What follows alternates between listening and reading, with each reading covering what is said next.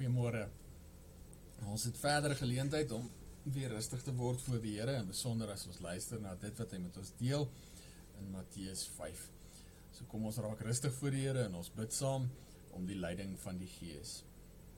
Vader baie dankie dat ons so voor U mag rustig word.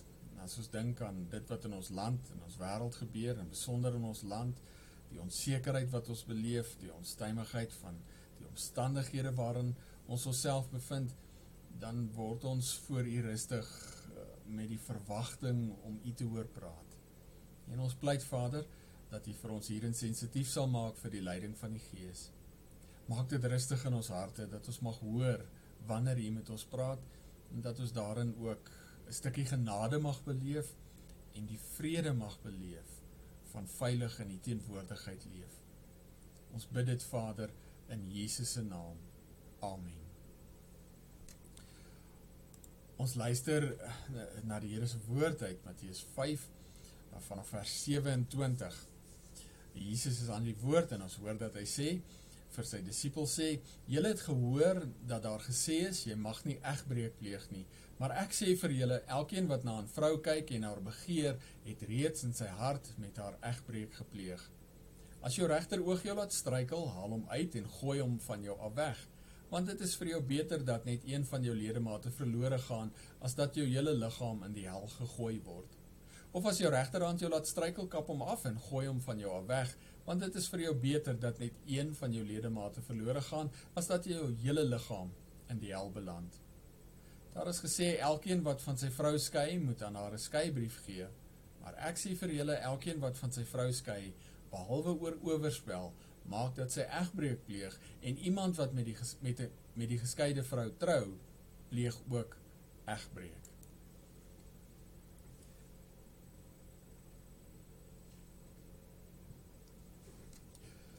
Wanneer ons hier begin is dit dalk goed om net gou weer 'n vraag te vra. Wat het dit wat Jesus hier te sê hier sê te doen met ons huidige omstandighede, veral in die lig van die koronavirus en dinge? En dan is dit belangrik om te onthou dat die evangelie van Matteus geskryf word vir mense wat regtig swaar kry beleef het.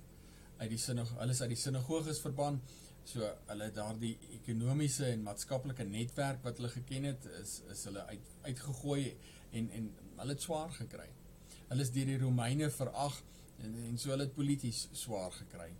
En dan het hulle in hulle eie gemeenskap in Sirië was hulle verdeel rondom um die geldige vraag nou hoe die onderhouding van die wet die uitreik na die heidene ontmoet. So hulle het emosioneel swaar gekry omdat hulle selfs nie eers daardie geborgenheid van 'n gemeenskap van gelowiges altyd so lekker beleef het nie. So binne in die moeilike omstandighede wat die gelowiges in daardie tyd beleef het, kom die Heilige Gees en lei vir Matteus om hierdie evangelie op skrif te stel. Hierdie evangelie is die antwoord, die Gees se antwoord op die nood wat hulle in daardie tyd beleef het. En daarom moet ons vir onsself ook vandag vasmaak dat ook ons moeilike omstandighede nie vergeefs is nie en dat ook hierdie evangelie kosbare waarhede met ons deel in ons eie tyd. So wanneer ons baie keer sukkel om te verstaan hoe hierdie dinge um, wat ons hoor Jesus hier in Matteus 5 sê uitkom by ons huidige omstandighede, byt 'n bietjie vas want dit is deel van 'n gesprek wat Jesus met ons het. En dit gaan nog duideliker word selfs hier in hoofstuk 5 en 6 en 7 hoe hoe dit regtig betrekking het op ons tyd. So as jy worstel, staan so 'n bietjie terug, um luister na dit wat God met ons deel spesifiek binne ons omstandighede. Moenie 'n streep deur of die woord of die omstandighede trek nie, want God is besig met ons juis in hierdie omstandighede. So onthou daarom dat die evangelie vol, volgens Matteus ons stel voor die waarheid dat die wettige koning gekom het om sondaars te red. En net soos wat die Here aan die begin in Genesis mense geroep het om saam met hom te werk, net so roep Jesus wanneer hy met sy bediening begin, mense om saam met hom te werk. En hy sê spesifiek vir hulle dat hy van hulle vissers van mense sal maak. Met ander woorde effektief in hulle verhouding met ander ter wille van die koninkryk van God. Nou vissers van mense, so hoor ons in Matteus 5, is ook sout vir die aarde en lig vir die wêreld. En al hierdie dinge is net moontlik in en deur 'n herstelde verhouding met God in Christus. En daarom die saligsprekinge waarmee Matteus 5 begin. Die dieptepunt van die saligsprekinge is 'n herstelde verhouding met God. Met God ons Vader waarin ons die barmhartigheid wat hy in Christus gegee het, ontvang. Nou God se barmhartigheid is die antwoord op ons sonde en ellende op die dieptepunt van ons verlorenheid. En ons leer ken ons sonde en ellende aan die hand van die woord van God en daarom dat Jesus in Matteus 5 dan ook spesifiek sê, hy het nie gekom om die wet en die profete ongeldig te maak nie. Jesus sê hierdie dinge omdat die disippels wat voor hom sit groot geword het en geleef het in die in die in die godsdienstige wêreld van die skrifgeleerdes en die fariseërs wat 'n baie besliste werke godsdiens bevorder het. En die vrug van daardie werke godsdiens um was dat mense na een van twee uiterste uiterstes vasgevang is in hulle sonde en ellende. Aan die een kant was daar die selfgesentreerde en selfversekerde gedagte dat ek oukei okay is. Um ek kan die wet van God nakom en en daarom verdien ek die koninkryk van God. Aan die ander kant was daar die radelose en wanhoopige besef dat die die wet, die onderhouding van die wet so onverstaanbaar en on, en onmoontlik is dat gewone mense glad nie in die koninkryk kan inkom nie. Nou om die disippels se denke hierom reg te trek, begin Jesus by 'n sentrale plek, by die sentrale plek van God se wet en die bedoeling daarvan. En teenstrydig soos wat dit met die eerste hoor klink, is die wet gegee om jou oor te oortuig van jou sonde en ellende, sodat jy kan weet, ten diepste kan en mag weet dat jy 'n verlosser buite jouself nodig het. Nou onthou, die skrifgeleerdes en die fariseërs het dit maar klink asof net 'n klein groepie supergelowiges die wet wel kan nakom. En hier hierteenoor kom Jesus en hy stel die disippels voor die kras werklikheid van die onmoontlikheid om die wet na te kom. Niemand kan nie. Maar nie net dit nie, niemand kan die wet nakom nie omdat die mens totaal verdorwe is. Ons harte is vrot. In Engels is daar 'n mooi uitdrukking bad to the bone vrot tot heel onder. En Jesus is besig om in hierdie gesprek die disippels en vir ons in trappe af te vat in ons diepste donkerste self in sodat ons ons eie sonde en ellende kan ken. In die eerste trappie waar ons verlede week stil gestaan het, praat Jesus oor die 6ste gebod en moord wat in alledaagse dade en gedagtes sigbaar word omdat ek kwaad in my hart koester.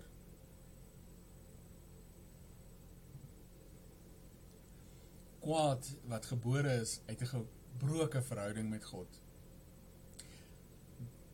Dink vir 'n oomblik aan die disippels wat rondom Jesus sit. Vissermanne, rowwe manne, manne wat nie 'n moordkuil van hulle harte gemaak het nie en gesê het wat hulle dink en voel.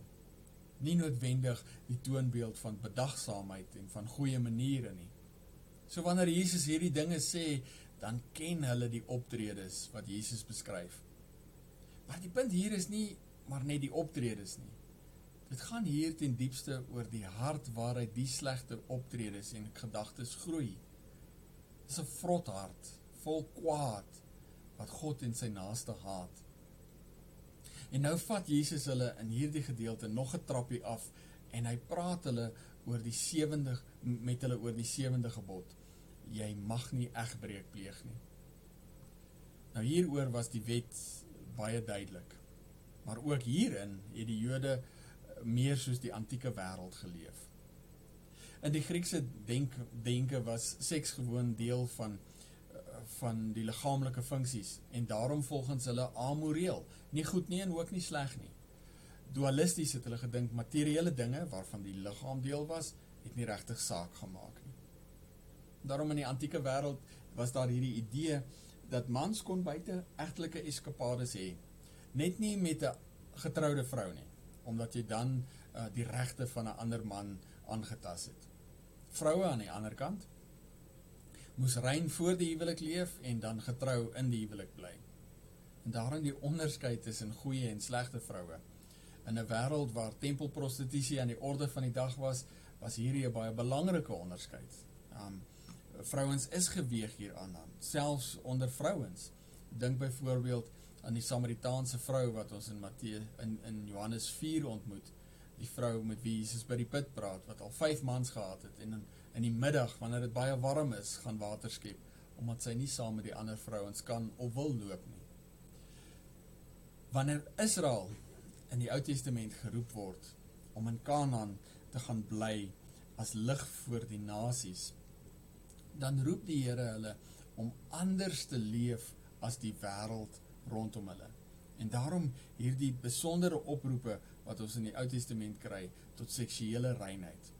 Die Here wil nie hê die dat Israel wat lig vir die nasies moet wees, so losbandig moet leef, so ontaard moet leef soos wat die heidense wêreld leef nie. Maar ons ons hoor in die Ou Testament dat Israel hierin val. Vroeg reeds het hulle egskeiding toegelaat. In Deuteronomium 24 word die reëlings rondom egskeiding gegee. Nou, as ons hierby stil staan, is dit belangrik om net vas te maak dat dit beteken nie dat die Here egskeiding toelaat nie. Hierdie is 'n toegewing wat die Here maak.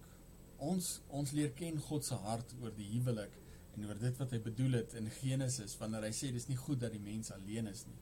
Ons leer baie duidelik in Maleagi 2 dat hy egskeiding haat omdat dit hierdie verwoesting is van dit wat vir hom kosbaar is.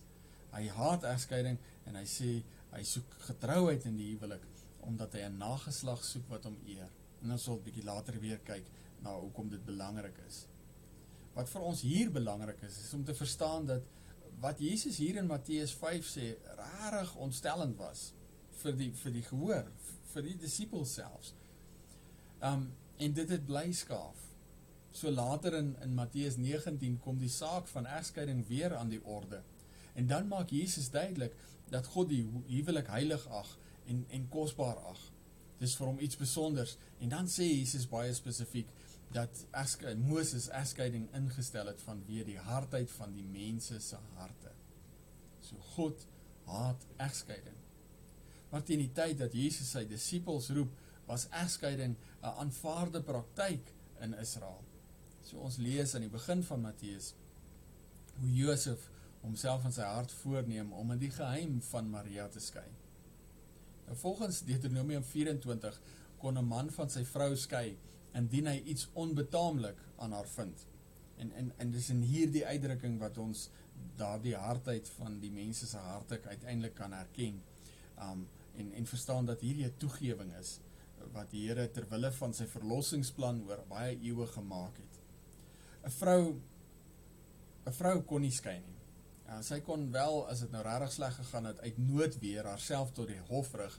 Indien die hof bevind dat sy geldige gronde vir 'n egskeiding het, dan sou die hof aan haar man opdrag gegee het om van haar te skei.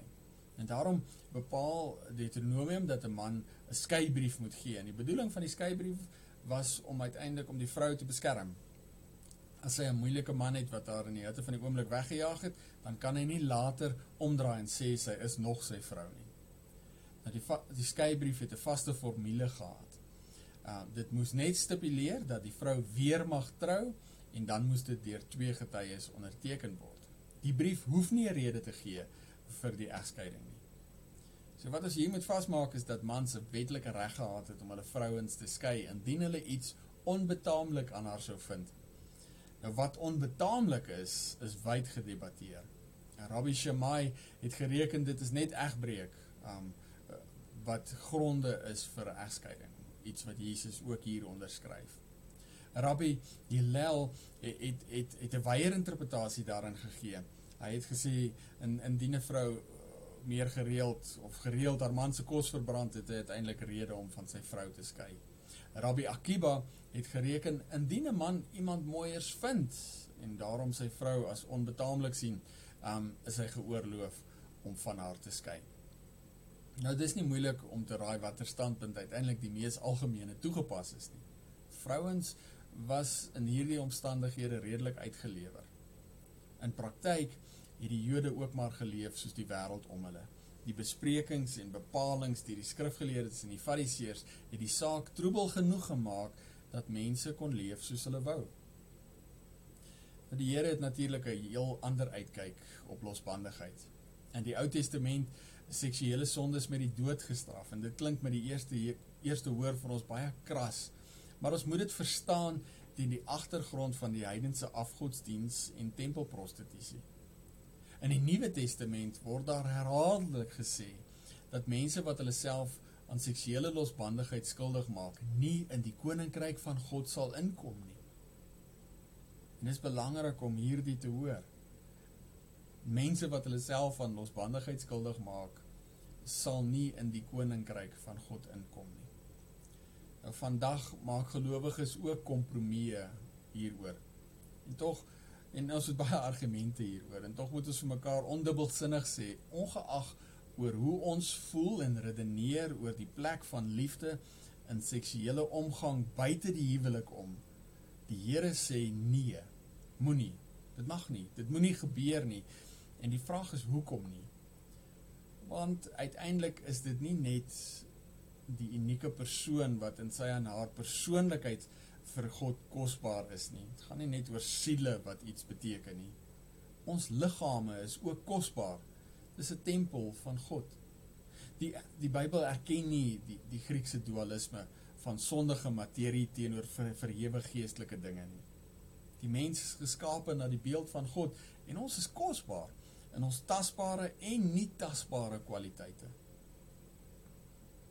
Tog verstaan ons dat die sondeval ons totale menswees aangetas het. En daarom is dit belangrik om wanneer ons oor losbandigheid praat, te besef dat dit nie net oor die uiterlike gaan nie, maar oor dit wat in ons harte leef wat uiteindelik na buite uitgeleef word. Lus of begeerte wat lei tot losbandigheid dui op 'n ontkenning en 'n opstand teen God van dit wat hy wil hê en bedoel. Daarom is dit goed en wanneer ons oor hierdie dinge praat, te onthou Paulus se waarskuwing aan Timoteus in 1 Timoteus 4 as hy sê dat dit die navolging van misleidende bose geeste is wat maak dat mense nie trou nie en losbandig leef. Maar hier as ons by Jesus stil staan, dan vat Jesus sy disippels terug na die wet. Jy mag nie egbreek pleeg nie.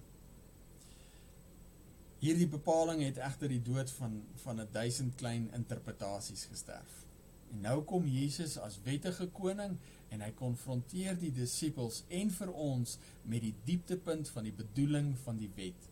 As jy na 'n vrou kyk en haar begeer, het jy reeds in jou hart egbreek gepleeg.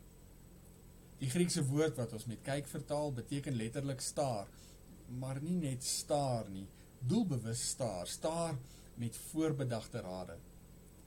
En dit gaan hier weer eens nie daaroor dat Jesus net die wet verfyn nie. Hy sê nie hier vir sy disippels jy mag nie egbreek pleeg nie, pleeg nie en ook nie staar nie. Jesus konfronteer hulle met hulle eie menswees. Later sal ons hoor dat Jakobus baie duidelik sê dat God niemand versoek of verlei nie. Dis ons sondige begeertes wat ons meesleep en as dit bevrug geraak het, bring dit die sonde voort. Die begeertes in ons harte lei tot dade. En daarin die vraag, wat gaan in jou hart aan? Dit is 'n baie belangrike vraag, want Jesus sê in die saligsprekinge, gelukkig is die wat rein van hart is, want hulle sal God sien. God sien. Dawid skryf in die Psalms vra hy die vraag, wie mag opgaan na die huis van die Here? En dan antwoord hy, net die wat rein van hart en hande is. Jesus kyk na die hart. Hy kyk nie in die eerste plek want dit wat uiterlik sigbaar word of nie sigbaar word nie. Die begeerte om lustig te staar bring nie sonde in die mense hart in nie. Die sonde wat reeds in ons harte is, maak dat ons met voorbedagte rade staar. Dit gaan nie hier oor iemand oor, oor, oor iemand wat iemand anders sien wat skamel aangetrek is en nou het jy gesondig het gesondig nie. Jy kan wegkyk. Job het daardie onderneming gemaak met homself om om weg te kyk, om nie te staar nie. Dit gaan hier oor sonde wat reeds in die hart is en daarom staar ek. Nou hier is dit dalk net belangrik om net gou weer die konteks vas te maak. Jesus praat met sy disippels, 'n klompie manne wat hier rondom hom sit. En en mens kan as mens nou hier na luister, veral as mens dink aan die konteks van destydse wêreld waar die vrou regtig um, aan die kortste end getrek het, dink dat Jesus net met manne praat. Maar wanneer die Here praat oor losbandigheid en oor lus en begeerte wat ons lewe kan verwoes, dan is dit nie net manne wat hier skuldig staan nie. Soos dink aan die voorbeeld van nou net um, om om om 'n vrou te sien wat skamel aangetrek is, maak nie dat jy noodwendig sondig nie. As jy so langer staar omdat daar iets in jou hart is, dan staan jy skuldig volgens dit wat Jesus sê. Maar net so ook die vrou wat spesifiek um skamel aantrek omdat sy ander wil verlei, staan skuldig voor hierdie selfde beginsel. So wanneer ons hier stil staan, dan moet ons nie net of moet ons nie in die eerste plek vaskyk in dit wat uiterlik sigbaar word of nie sigbaar word nie. Want Jesus vat ons dieper na ons diepste menswees toe, na ons hart toe. Dit is wat daar binne gebeur wat buitekant sigbaar word. En hier is Dawid vir ons 'n baie goeie voorbeeld. Wanneer ons Dawid eh, vir Batseba op die dak sien, dan lees ons dat Dawid in die laatmiddag op die op die paleisdak gaan rondloop het. Nou in daardie tyd met die warm weer wat hulle gehad het, was die laatmiddag die koeler tyd en dit was gewoonlik die tyd wanneer vrouens op die dakstoepe gaan bad het. So wanneer Dawid op die hoë tempeldak gaan rondloop in die laatmiddag, dan gaan loop hy met voorbedagte rade rond. Hy wou iets gaan sien het en dis wat hy dan ook kry. Hy het met voorbedagte rade gestaar. Daar was iets in sy hart reeds gewees wat gemaak het dat hy gedoen het wat hy gedoen het. So ook hierin weet Jesus se disippels waarvan hy praat. Hulle is manne. En dan sê Jesus 'n skokkende ding. Nadat hy gesê het as jy na 'n vrou kyk en en haar begeer het jy reeds in jou hart egbreek gepleeg, sê hy as jou regteroog dan oor jou dominante oog, jou oog waarmee jy mik, jou laat struikel, haal dit uit en gooi dit weg. As jou regterhand, jou jou dominante sterk hand jou laat struikel, kap dit af en gooi dit weg. Dit was waardevolle dinge, jou regteroog en jou regterhand. En Jesus oordryf hier om 'n punt te maak. As die dinge jou laat struikel, raak ontslaa daarvan. Moenie kompromieë maak met sonde nie. Doen radikaal wat nodig is om rein te bly. Doen wat absoluut nodig is. Gee selfs jou kosbaarste dinge wat jy het prys om van die bose pad af weg te bly. Nou as jy nou sit en dink oor wat jy moet weggooi of weggee om aan hierdie opdrag gehoor te gee, mis jy die punt. Om 'n oog uit te ruk of 'n hand af te kap maak nie 'n sondige hart rein nie. Wat Jesus hier beskryf is onmoontlik. Dink 'n bietjie daaroor. Wat sal jy uiteindelik alles moet uitdruk en afkap?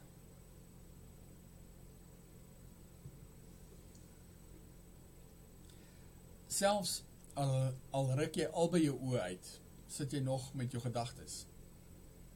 Wat maak jy daarmee? kap jy jou kop af? En dis nie 'n ligsinnige vraag nie, dis 'n baie ernstige vraag. Ons moet dit mooi verstaan. Die, die morele belang en waarde van dit wat Jesus hier leer is belangrik. Hy is immers die wettige koning en die huwelik is kosbaar vir God.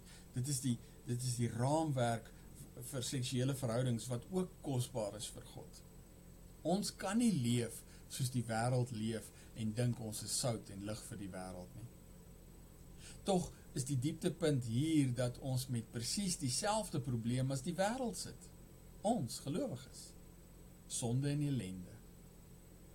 Wat wat Jesus hier beskryf is bedoel om sondaars los te ruk uit die doodsgreep van dink aan die een kant dink ek is oukei, okay, ek kom die wet na of aan die ander kant dink dat my situasie wanhoopig is omdat ek nie die wet kan nakom nie en daarom nie gered kan word nie. Wat Jesus hier leer, dryf gewone gewonde mense om te om te besef dat hulle kan nie en om daarin te besef dat hulle verlossing nodig het. En daarvoor het hy gekom om sondaar mense vry te maak van die doodsgreep van sonde. En en hier is dit weer belangrik om die saligsprekinge te onthou. Gelukkig is die wat treur, want hulle sal vertroos word. Gelukkig is die wat honger en dors na wat reg is, want hulle sal versadig word. In Christus sal hulle barmhartigheid ontvang. En nee, daar is nie 'n skuiwergat nie. Daar is nie 'n skuiwergat in die wet nie. Die wet is juis bedoel om jou te maak besef jy is sondig en in nood aan verlossing. 'n Verlosser buite jouself. Nou die disippels en die mense van daardie tyd het het wanneer hulle gekonfronteer is met hierdie die hardheid van die bepaling van die wet gesê maar die rabbies sê dan. Nou vandag het ons nie daardie probleem nie. Ons redeneer meermale, maar almal doen dit ons soek ook na die skuiwergat in die wet sodat ons kan leef soos ons graag wil. En Jesus konfronteer die disippels. En hy sê 'n man wat van sy vrou skei om enige ander rede as egbreek, um want egbreek het dan klaar plaasgevind as sy vrou ontrou was. Um die die skeibrief met ander woorde bevestig net dit wat reeds gebeur het. Maar 'n vrou, 'n man wat van sy vrou om enige ander rede skei as egbreek, maak van sy vrou 'n egbreker. En binne die konteks van daardie tyd was dit 'n verskriklike ding om te doen. Um in die eerste eeuse Joodse gemeenskap het die vrou geen regsbeskerming of erkenning of wyse van onderhoud gehad sonder 'n man nie. En daarom moes hulle weer trou, of so gou as moontlik weer trou. So wanneer 'n man dus skei van sy vrou, moes sy weer trou. Nou waar die Joodse kultuur gesê die man mag eskapades buite sy huwelik hê, um net nie met 'n getroude vrou nie en dat hulle mag skei, sê Jesus nee. Man en vrou staan skuldig voor die wet. En dit gaan hier oor sout en lig wees, oor God wat sy kinders roep om getrou naby hom te leef, voor die wêreld te leef op so 'n manier dat hulle hom uiteindelik kan leer ken. En hierdie hierdie gebod is op twee plekke, op twee maniere uiteindelik uh, misbruik en Jesus probeer dit regtrek. As 'n man sy vrou wettig skei omdat sy egbreek gepleeg het, buite 'n buiteegtelike verhouding gehad het, is sy 'n egbreker. As sy dan weer trou waarskynlik met die een met wie sy ontrou was, is albei van hulle egbrekers. Nie die man of die vrou word uitgesonder nie. As 'n man aan die ander kant of in die tweede plek van sy vrou om sinnelose redes skei, anders as egbreek, maak hy van haar 'n egbreker. Ten spyte van die skeibrief magtiging om weer te trou, is sy en wie ook al later met haar trou in die oë van die wêreld egbrekers. En nie een van hierdie twee mag nie. Nie een van hierdie twee dinge moet gebeur nie, want God het die mens gemaak na sy beeld as sy verteenwoordiger. Man en vrou het hy hulle gemaak sodat iets van sy heerlikheid sigbaar kan word. En dink hier aan die dagstukkies en die wonder van geskape wees na die beeld van God. God drie enig wat ewig in perfekte um gemeenskap leef, maak vir Adam en solank as wat Adam nie iemand soos wat hy is het nie, kan iets van God se beeld nie in hierdie wêreld sigbaar word nie. En ja, ons is geskape na die beeld van van God, man en vrou geskape na die beeld van God. Maar dis in daardie saamkom van man en vrou in die huwelik wat ons die mooiste, die duidelikste iets van God se beeld sien. En daarom is die huwelik vir God so kosbaar. Nou die sondeval het dit vernietig. En nou het ons 'n nood aan verlossing.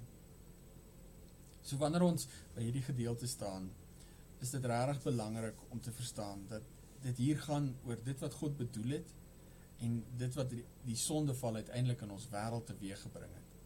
En om geldig gekonfronteer te word met Jesus se evangelie van verlossing en nuwe lewe in die koninkryk van God, moet iemand eerlik en opreg gemeet word aan die diepste bedoeling van die wet. En dan nie bloot net in dit wat uiterlik sigbaar word of nie sigbaar word nie. Dit gaan nie hier oor uiterlike vertoon en wat mense van jou dink nie. Dit gaan hier oor wat werklik in my hart, in my diepste menswees leef. en hoe ek daarin kaal staan voor God sonder die voorgee van maskers en ander gebruike en gewoontes waarmee ek ander mense kan mislei maar nie die Here kan mislei nie. Nou hierdie meet aan die wet, aan die woord van God is uiteraard iets baie innig en baie persoonlik. Niemand kan vir jou hierin voorskryf nie.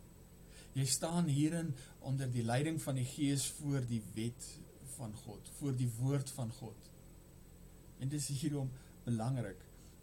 Wees versigtig vir mense wat sê man maak sis of so want dit of dat. Die woord van God het ons verlede voorverlede week vasgemaak is God wat oor die eeue heen roep, waar is jy? En vandag nog met jou en my praat. En daarom wanneer die Here ons voor sy wet stel en voor sy woord stel volgens die ideaal wat hy bedoel het ons moet wees en en daarin na die sondeval ook die werklikheid beskryf van waar ons nou is, dan is dit iets innigs en persoonliks. Iets wat jy in jou gesprek met die Here moet beleef tussen jou en hom. Nou soos met die die kwaad van verlede week wat lei tot 'n verwensing en verwoesting van ander wat vir God kosbaar is, so ook met begeerte en lus. Ek wil dit wat God gegee het buite sy wil om besit en dan maak ek van 'n ander persoon een in wie God lewensasem geblaas het 'n voorwerp. Ek maak van daardie persoon 'n ding om te gebruik of te misbruik. God se woord stel ons uiteindelik nie net voor die werklikheid van ons sonde en ellende nie, maar ook voor die wonder van dit wat God bedoel het, sodat ons kan sien hoe ver ons geval het en hoe bitterlik nodig ons verlossing het. Verlede week het ons vasgemaak dat dat lewe kosbaar is omdat die Here prakties gestalte gee aan lewe in unieke persone. Elkeen kosbaar in die oë van die Here. Dit is regtig belangrik elke mens wat lewe is kosbaar vir die Here want dis 'n manier waarop die Here aan aan die rykdom van sy genade as jy wil aan aan aan aan die grootsheid van wie hy is uitdrukking gee in hierdie wêreld. En daarom is elke lewe iets kosbaar of dit 'n pasge ongebore baba is, 'n pasgebore baba, 'n moeilike tiener, 'n moeilike groot mens of 'n ou mens is. Mense kosbaar. Deur hulle wil God iets van sy heerlikheid in hierdie wêreld sigbaar maak. En daarom die die verbod om dood te maak. Moenie doodmaak nie. Moenie wegvat wat jy nie kan heel maak. Moenie stik en breek wat jy nie kan heel maak nie. Moenie doodmaak wat jy nie kan gee nie. Elke mens is kosbaar in die oë van die Here. Maar wanneer ons by hierdie gedeelte staan, staan ons weer voor die die wondermooi werk van God en die aangrypende waarheid dat wanneer hy die mens skep, dan maak hy ons om saam met hom te werk in die ontplooiing van lewe in hierdie wêreld. En ons sien dit spesifiek in die opdrag om vrugbaar te wees en te vermeerder. En daarom sê die Here, daarom sal 'n man sy vader en sy moeder verlaat, sy vrou aankleef en hulle sal een word. Die huwelik is regtig iets wonderlik mooi en kosbaar nie net die huwelik nie, maar die seksuele wat daarin opgesluit is. Dit is hoe ons deel in God se skepingswerk. Die huwelik waarbinne een man en een vrou hulle self lewenslank verbind tot 'n liefdevolle verhouding van trou, is die raamwerk en omgewing waarbinne hierdie skepingswerk waartoe God ons roep plaasvind. Dink vir 'n oomblik daaroor wanneer die Here die mens maak as die kroon van die skepping, dan roep hy die mens geskape na sy beeld as man en vrou om om in terme van hulle seksuele omgang saam met hom te werk om lewe in hierdie wêreld te ontplooi. Want elke kind wat ons het, is uniek en die van ons wat wel kinders het, verstaan dit. Twee kinders, Johan, Johanay en Elise en hulle is om die minste te sê glad nie dieselfde nie. Twee unieke mense. En so het God dit bedoel. En hy roep ma en pa om heilig te lewe in die huwelik, om uiteindelik daardie kindertjies en vir my en Tarina dan nou vir Elise en Johanna so groot te maak dat hulle God kan eer. Dat hulle God mag ken as hemelse Vader en uiteindelik ook saam met hom kan werk aan dit waarmee hy besig is. Ten spyte daarvan dat die sondeval God se bedoeling in die huwelik en met met seksualiteit verwoes het, roep die Here ons tot 'n nuwe lewe. En daarom sê die Here in Maleagi 2 dat hy haat egskeiding. Dit verwoes iets wat hy mooi gemaak het. Die Here ag die huwelik heilig en kosbaar omdat hy 'n nageslag soek wat hom eer. En hierin roep hy ons. En en dit is hier waar ons vandag in ons omstandighede voor die wonder van God se bedoeling en die werklikheid van ons situasie staan. Tans is die nuus wat of die dinge wat die nuus oorheers is is die koronavirus en die ekonomiese naderdraai van die maatreëls wat rondom dit ingestel is en ons is geneig om net dit raak te sien. Maar vanoggend roep die Here ons om so bietjie terug te staan en so bietjie ook te besin oor die huwelik en en en die gesondheid van ons seksuele verhoudings in ons land, maar meer spesifiek, meer spesifiek ook in die kerk. Hoe lyk die kerk se seksuele lewe en huwelike? Dalk daarin die vraag as ons eerlik is, hoekom lyk dit meermale soos wat die wêreld se seksuele lewe en verhoudings lyk? Wanneer Jesus my konfronteer met die dieptepunt van die sewende gebod is sodat ek mag besef ek is skuldig. Ek het nood aan verlossing en nood aan 'n verlosser buite myself want ek maak dit nie. Ek is reeds skuldig. En en dan ek is nie geskei nie. Maar wanneer ek staan voor Christus wat sê jy mag nie kyk en begeer nie, staan ook ek skuldig. En daarom kan ek nie eers my eie offer betaal nie. Wel ek kan as ek bereid is om die ewige dood te sterf. En dis die hardheid van die wet. Wie ook al die wet oortree, staan ewig skuldig en regverdig skuldig voor 'n almagtige God. En daarin die barmhartigheid van Christus wat in ons plek kom sterf sodat ons kan lewe. Nou wanneer Jesus hierdie dinge vir sy disippels sê, die wat daar rondom hom sit, dan begryp hulle nog nie heeltemal waaroor dit gaan nie. En in die verloop van Matteus Evangelie sal die dinge vir hulle duideliker word. Maar die eerste hoorders het wel verstaan waaroor dit hier gaan en waar hulle eh, binne hulle omstandighede geworstel het met die geldige vraag na hoe die wet en die uitreik na die heidense nasies mekaar ontmoet, staan hulle in hierdie uitspraak van Jesus weer voor die werklikheid. Ek is 'n sondaar wat Christus nodig het elke dag.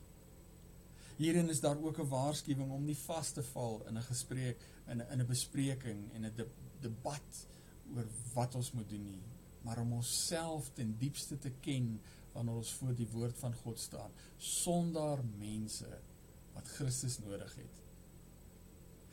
En tog in dieselfde asem ook hierdie waarheid. Ander is ook sondaars wat God wat Christus nodig het. Daarom die laaste opdrag in Matteus of dit wat ons in Handelinge hoor, deel die barmhartigheid wat God in Christus gee. En dis waartoe ons ook geroep word.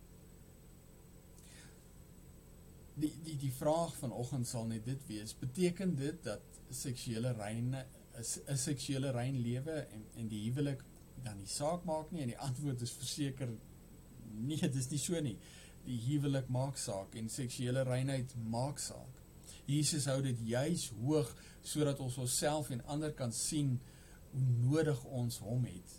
En dis die probleem met waar die kerk vandag is en waar ons baie keer is ek het nou nog gesê ons moet versigtig wees vir mense wat vir jou sê ag maak sis en so omdat dit of dat. Dit is 'n gevaarlike plek om te wees. Wanneer die kerk en ons by 'n plek kom waar ons begin uh, redeneer en debatteer oor losbandigheid, um uh, voor huwelikse seks of seks buite die huwelik om, as ons praat oor homoseksuele verhouding, as ons praat net oor die gewoon van gewoonte van saambly verhoudings. As ons begin om kompromieë te maak oor hierdie dinge, al is dit onder die vaandel van mag die mense is tog maar lief vir mekaar. Dan is ons besig om hierdie standaard wat Christus doelbewus baie hoog hou af te water. En dan staan ons in dieselfde tradisie as die skrifgeleerdes en die fariseërs. Wat ons vanoggend moet besef, is dit wanneer die Here kom en en die huwelik en seksuele reinheid so hoog ag, die die sewende gebod so hoog hou, dan is dit nie omdat hy wreed is nie. Dan is dit nie omdat hy ons wil verwoes of ons geluk wil verwoes nie.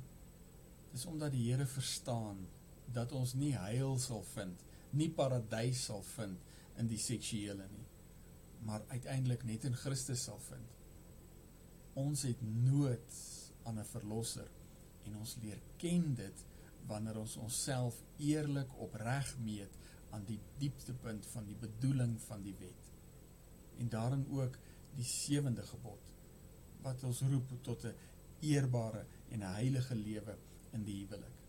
En wanneer ons as kerk dit afwater dan dan vernietig ons nie net ons eie sout en lig wees nie. Ons doen die wêreld ook 'n kwaad aan.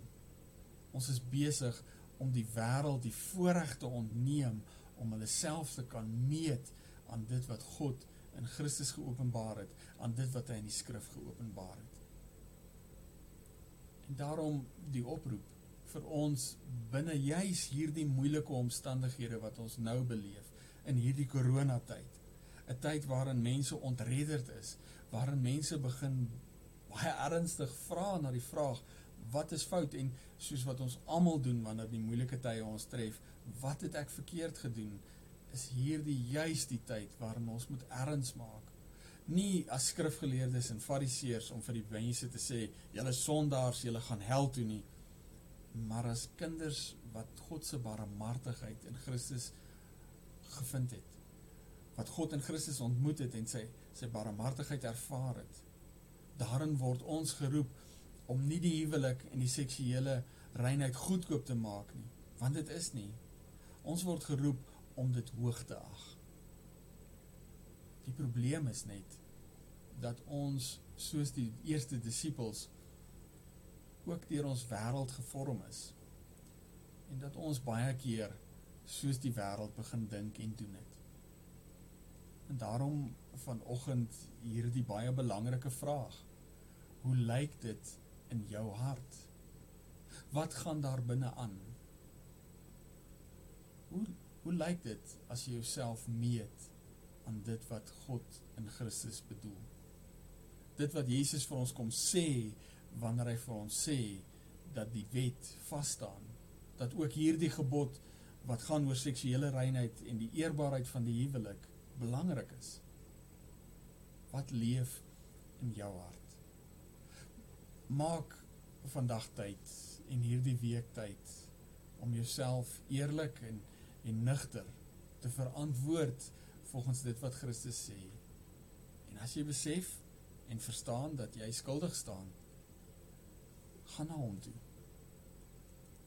Bely jou sonde en weet dat hy getrou is en ons vergewe wanneer ons opreg ons sonde voor hom bely. Amen. As jy enige vrae het oor dit wat ons hier um bespreek het en dit wat God met ons gedeel het, jy welkom om vir my 'n uh, WhatsApp te stuur. Ek antwoord graag. Kom ons antwoord op dit wat die Here met ons deel deur saam te bid.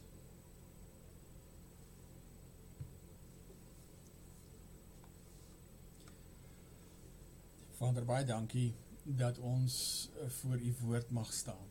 Dat ons mag hoor en dit in ons moedertaal mag hoor dat ons mag verstaan. En ons pleit Vader dat U vir ons hierin sensitief sal maak vir die leiding van die Gees. Dat ons onsself eerlik en nugter mag mag meet aan die eise van U woord. Maar dat ons daarin ook mag die wonder mooi besef en mag hoor en mag raak sien en mag ervaar van die barmhartigheid wat U in Christus met ons deel. mag die woord wat mens geword het in ons harte leef. Vader, ons kom pleit dat U ons hierin sensitief sal maak vir die leiding van die Gees, dat ons mag raak sien hoe in ons eie harte ons vrot is. Veral as ons begin kompromieë maak het met die wêreld en dit wat die wêreld sê oor seksuele reinheid en die huwelik. Wil U vir ons hierin aanspreek en grondig ons harte oopbreek vir U sodat ons die wonder van dit wat U bedoel het weer mag raak sien. Ons pleit Vader dat U vir ons sensitief sal maak vir die leiding van die Gees dat ons nie in ons sonde sal bly lê nie, maar in Christus sal opstaan tot 'n nuwe lewe sodat ook dit wat U bedoel het in die huwelik en en daarin in reinheid, seksuele reinheid in hierdie wêreld as sout en lig deur ons lewens sigbaar mag word. Ons kom in hierdie tyd en ons bid vir ons land, ons bid vir die regerders, um nasionaal, provinsiaal en plaaslik. Ons bid dat U hulle sal seën met insig en wysheid sodat hulle reg mag regeer, wys mag regeer. Ons kom bid Vader vir ons land se mense wat in hierdie tyd ontredderd raak en begin wonder oor wat fout is. En ons pleit Vader dat U hierin genadig sal wees. Wil U die bediening van die woord seën dat dit suiwer bedien mag word. Wil U dit in ons harte seën dat ons dien ooreenkomstig mag leef sodat die wêreld sout mag hê en lig mag sien ook deur hoe ons lewe elke dag.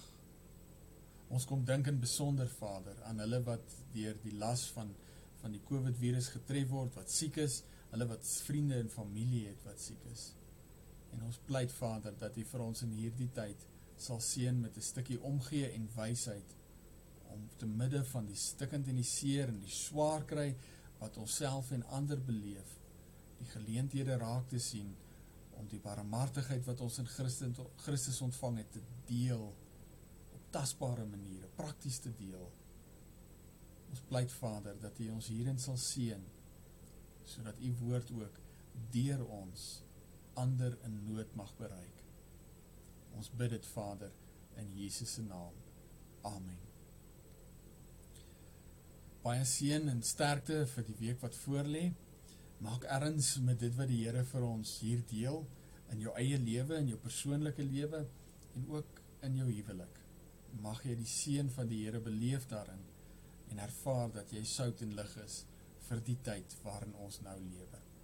Mag die genade van ons Here Jesus Christus en die liefde van God ons Vader en die gemeenskap en leiding van die Heilige Gees jou beskutting wees in die week wat kom. Amen.